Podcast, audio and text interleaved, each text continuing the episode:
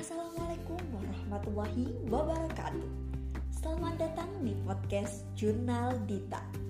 Bukan jurnal Risa ya, karena ini bukan konten horor. Perkenalkan, nama saya Dita Dwi Zaratus Nur Aini Mahasiswa aktif S1 Prodi Farmasi Fakultas Kedokteran dan Ilmu Kesehatan Universitas Muhammadiyah Yogyakarta. Sebelumnya, saya ingin mengucapkan selamat milad ke-40 tahun untuk kampus muda menduniaku. Kampus terbaikku, untayan doa terucap untukmu.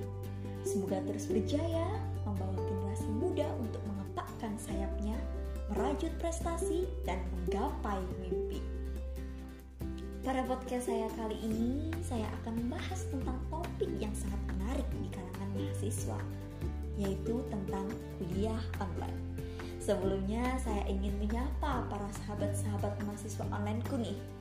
Bagaimana kabarnya? Bagaimana kuliah online-nya? Lancar? Hmm, pasti banyak kejadian-kejadian yang unik nih. Mungkin ada yang pakai kemeja bawahnya kolor, ada yang berhijab rapi tapi pakai baju tidur, ada yang lagi ngobrol lupa mute bangun kesiangan. Ada juga yang lagi tidur tapi lupa untuk off cam. Mahasiswa bilang jika dosen yang enak, online gini tuh tambah enak. Tapi bagi dosen ya tahu sendiri ya gitu. Makin bikin pusing katanya. Tugas yang menggunung, duduk berjam-jam memandang layar laptop di kamar. Mungkin bukan pengalaman pertama belajar online bagi mahasiswa angkatan 2020 ya atau yang sering disebut angkatan corona. Miris memang.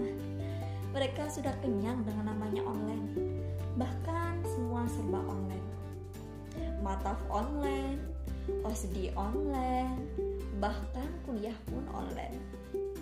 Mahasiswa online angkatan corona yang dibilang aneh karena kuliah hampir setahun belum kenal kampusnya. Ya, memang seperti itu kenyataannya. Syukuri saja, semua akan indah pada waktunya. Nah, pada podcast saya kali ini, saya akan sharing tentang tips dan trik untuk kita menghadapi kuliah online tetap menyenangkan dan efektif. Karena mungkin banyak ya yang ngeluh nih terkait kuliah online. Yang tugasnya menggunung lah, tidak ada waktu istirahat lah, tips dan trik ini, harapannya bisa memotivasi saya dan sobat-sobat mahasiswa online kunih di seluruh Indonesia untuk terus semangat menghadapi kuliah online ini. Nah, yang pertama yaitu biasakan kuliah online di meja belajar. Jangan kita biasakan ya buat kuliah online di atas kasur, apalagi sambil rebahan. No, no, no way dengan posisi rebahan itu pasti godaannya sangat berat. Mungkin banyak yang bilang angels of sleep ya, peri tidur sangat kuat. Dengan sihirnya yang gak sampai 5 menit kita udah terlelap dan mengikuti kuliah online di alam mimpi mungkin ya. Nah, yang kedua nih, uh, meskipun kuliah online tetap ada etika dalam mengikutinya ya Salah satunya yaitu berpakaian rapi dan sopan selayaknya kita kuliah saat offline. Akan lebih baik jika setiap pagi sebelum kita kuliah, kita biasakan untuk mandi pagi nih. Karena mandi pagi mempunyai banyak manfaat loh. Selain untuk kesehatan mandi pagi ini bisa membuat kita lebih bersemangat dan lebih siap untuk menghadapi hari-hari. Salah satunya untuk menghadapi kuliah online. Nah, pasti saat kuliah online gini banyak banget dari mahasiswa yang mager banget buat mandi. Nah ini nih pemicu mahasiswa yang terkena sindrom triple L. Wih, apa tuh triple L? Letih, lesu, dan lunglai. Jadi kalau udah gini nih, susah banget buat mengikuti kuliah dengan baik konsentrasi pun menurun, jadi tidak akan bisa fokus mengikuti kuliah online dengan maksimal. Nah, tips yang ketiga nih, yaitu ciptakan suasana senyaman mungkin untuk kita siap menerima materi pada kuliah online. Kalau aku sih ya, uh, meja belajar di kosku aku set tepat di sebelah jendela kemudian tak lupa untuk menyediakan air putih di dalam botol. Hal ini merupakan tips agar tetap fit di masa pandemi ini.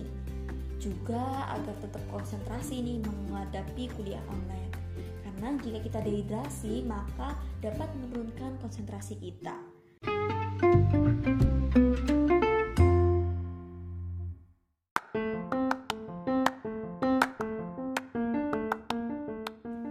Dan tips yang terakhir yaitu berkesinambungan dengan tips-tips sebelumnya. Ketika kita sudah menciptakan suasana siap belajar online, maka kita akan bisa menerima materi yang diberikan dosen dengan baik. Dan jangan lupa ya untuk mencatat hal-hal yang penting terkait materi perkuliahan.